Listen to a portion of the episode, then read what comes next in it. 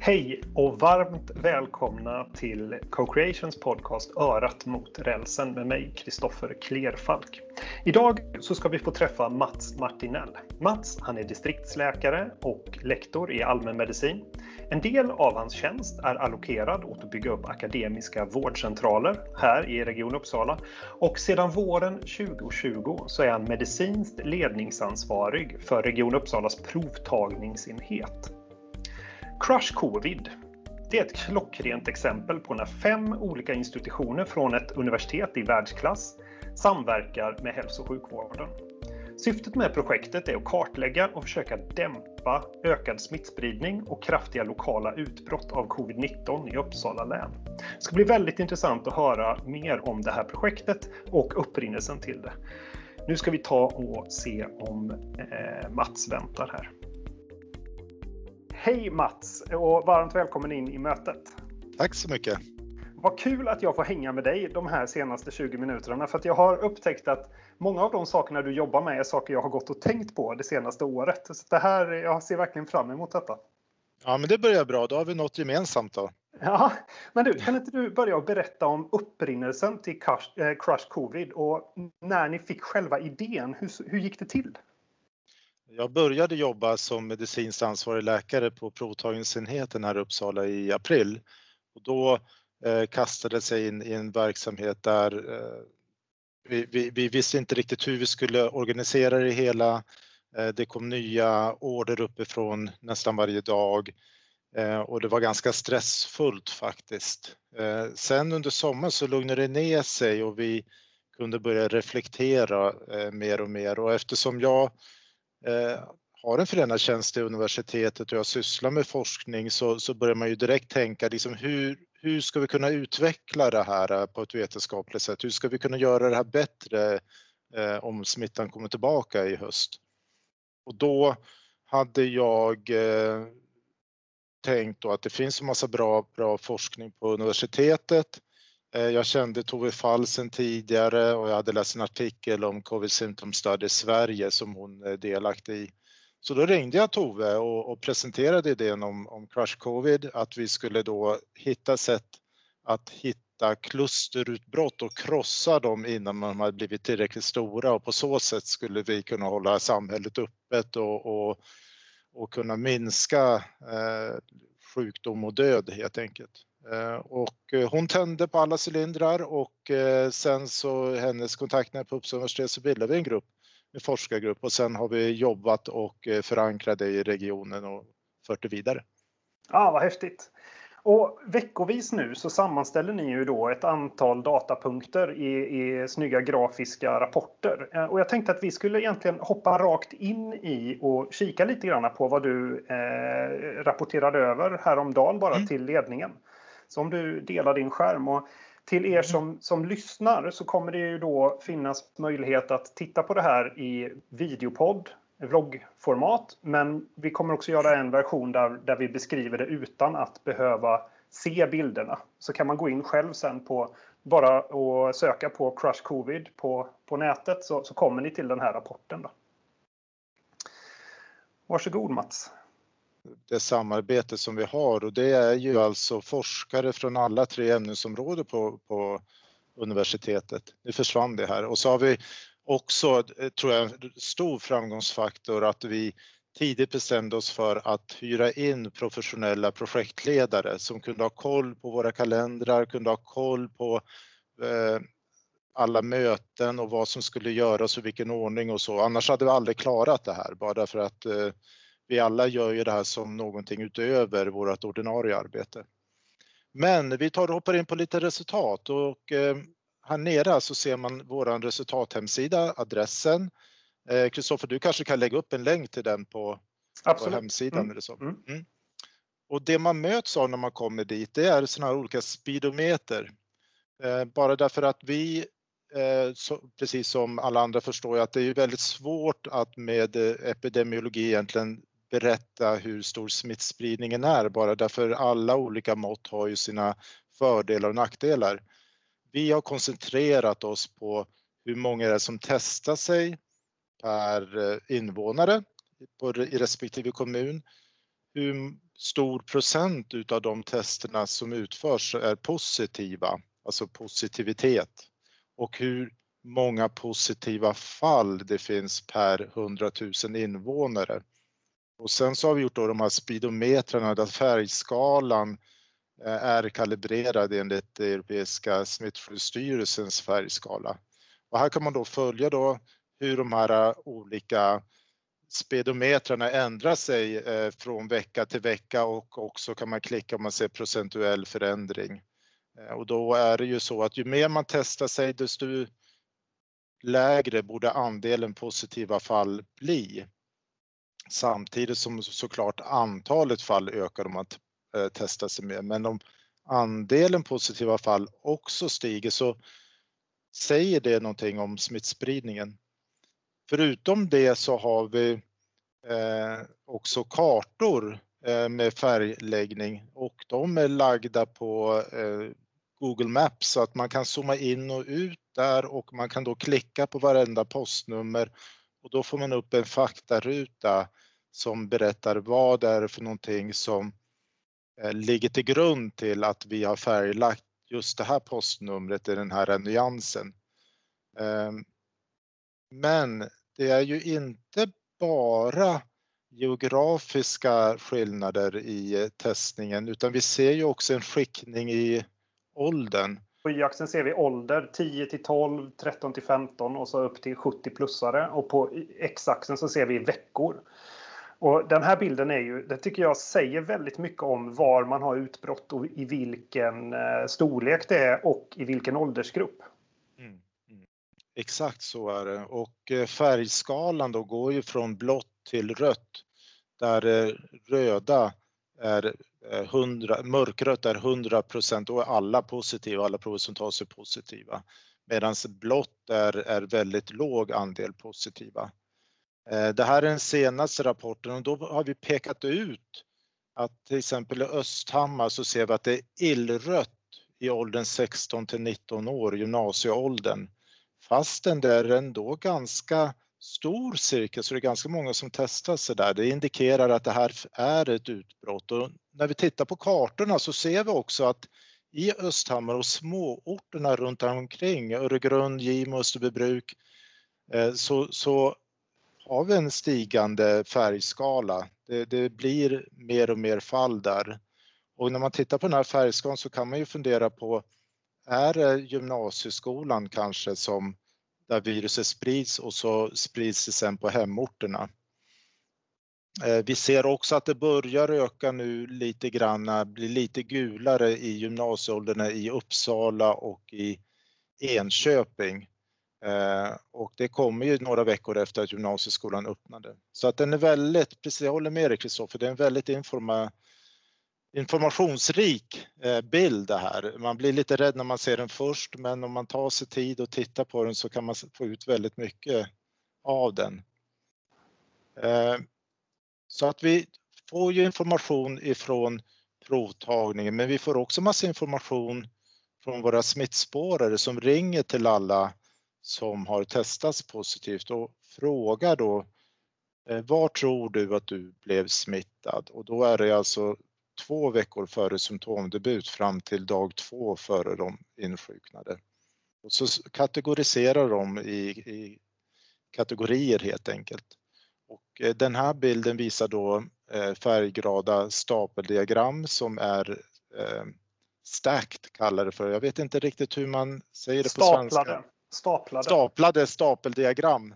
Så alla är lika höga men man kan se proportionerna och färgerna visar eh, grå färg är hushållssmitta, röd arbete, blå eh, träffar eller fester utanför arbete och hushåll och Sen så är det några andra små kategorier som idrott, transport, eh, affärer och övrigt.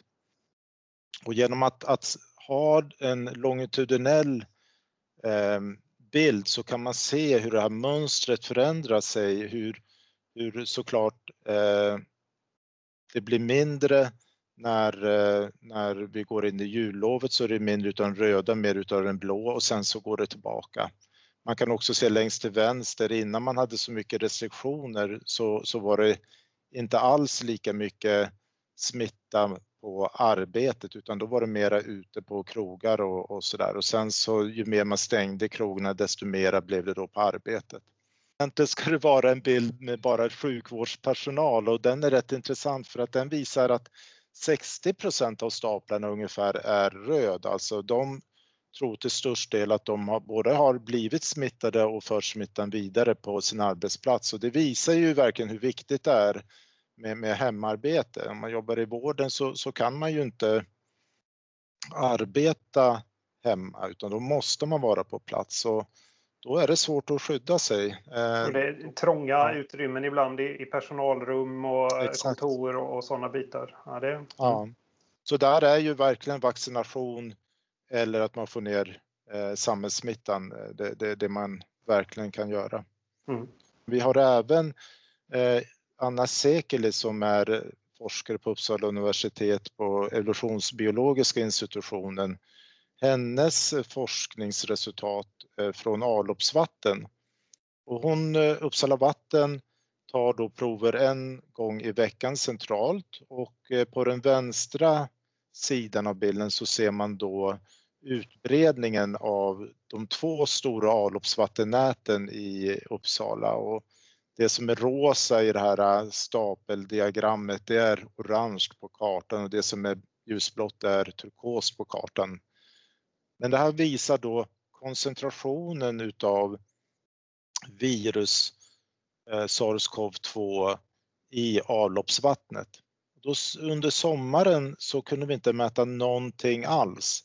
Sen så kom det där i slutet av september några små signaler och sen satte det fart. Och vi ser hur, hur det steg upp precis som andra vågen och sen så har det gått tillbaka och nu är det ganska stabilt.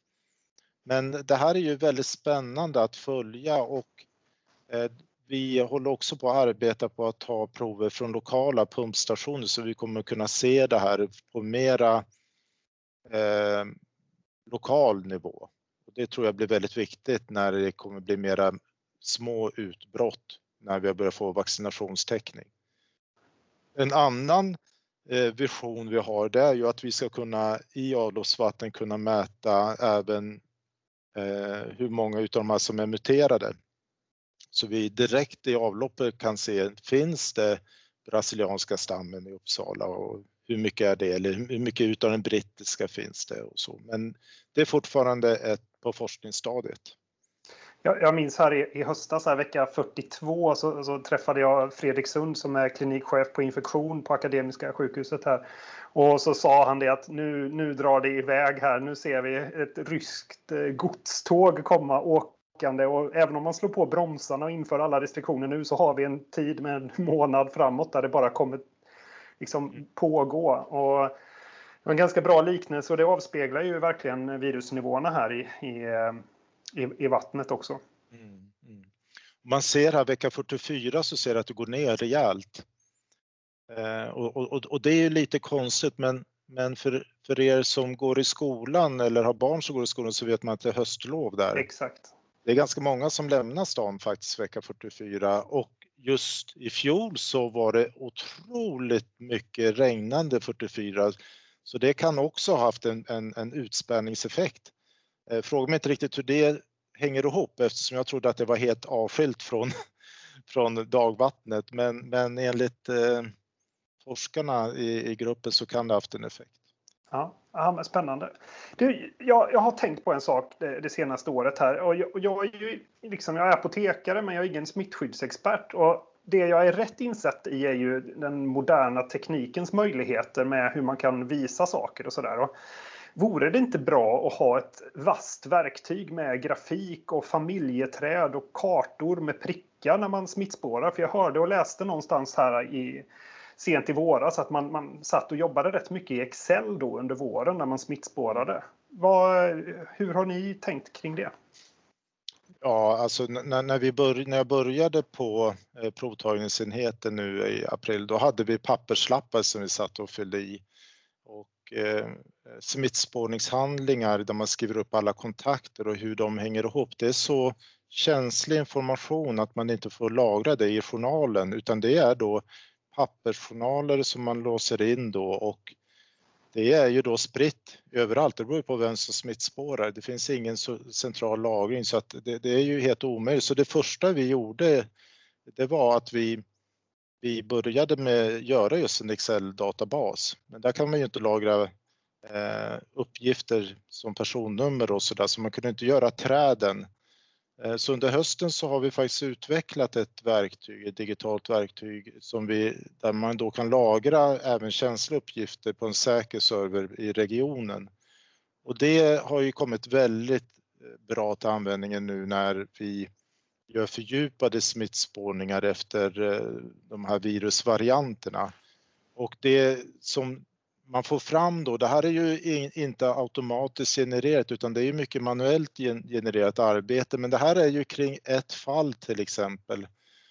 Och då räcker det ju inte med som nu att man ber då den här personen att berätta för alla som den kan ha träffat att den kan ha varit utsatt för smitta.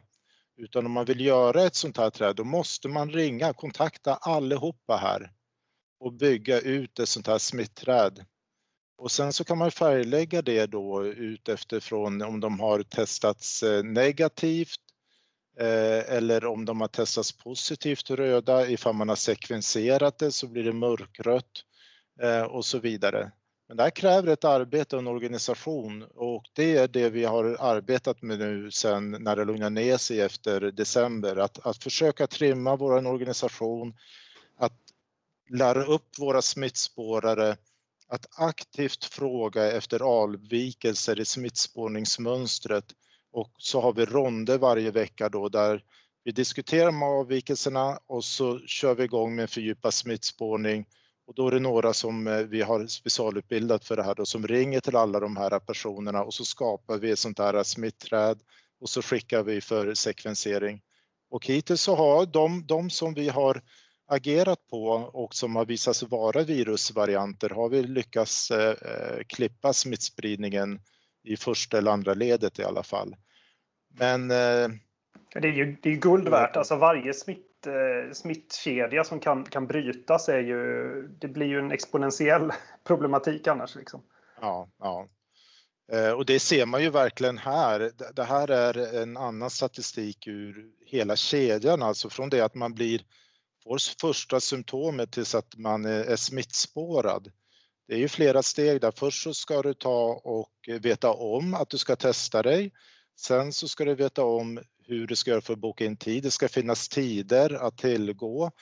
Eh, du ska ta dig dit, du ska bli provtas, sen ska provet analyseras och sen ska provet eh, vidimeras, alltså signeras av av en läkare som ska ringa ut provsvaret till den sjuke och berätta om diagnosen och förhållningsregler och sen så ska en smittspårare ta vid och smittspåra.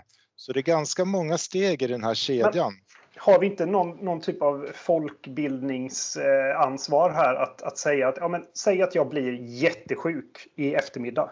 Ska inte jag då ringa dem jag hade kontakt med igår direkt bara och säga jag har blivit jättesjuk. Det är säkert det här men det kommer ta lite tid innan jag får svar. Eh, men eh, jag vill bara att du ska veta det. Och så ringer man till dem man har varit inomhus med kanske i mer än 15 minuter om man har träffat någon eller om man har eh, så. Mm. Jag, tror, jag tror inte att de flesta gör det innan de har provsvar. Däremot så är folk jätteduktiga att göra det när de har sett på 1177 att de har ett positivt provsvar. Mm. Då är de allra flesta väldigt duktiga på att ringa eh, runt och så. Och Eh, direkt det har kommit svar till oss så går, skickar vi ut ett sms på en gång.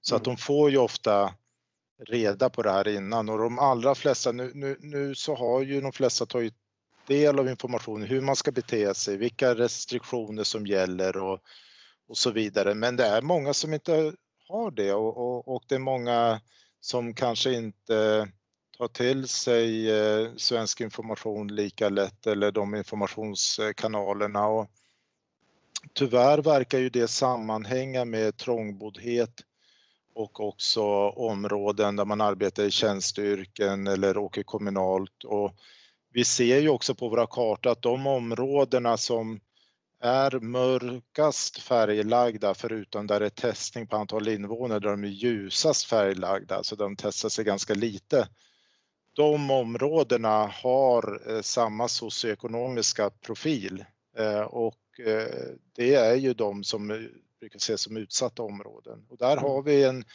en, en utmaning rent kommunikativt och där försöker vi arbeta så mycket som möjligt men det är svårt.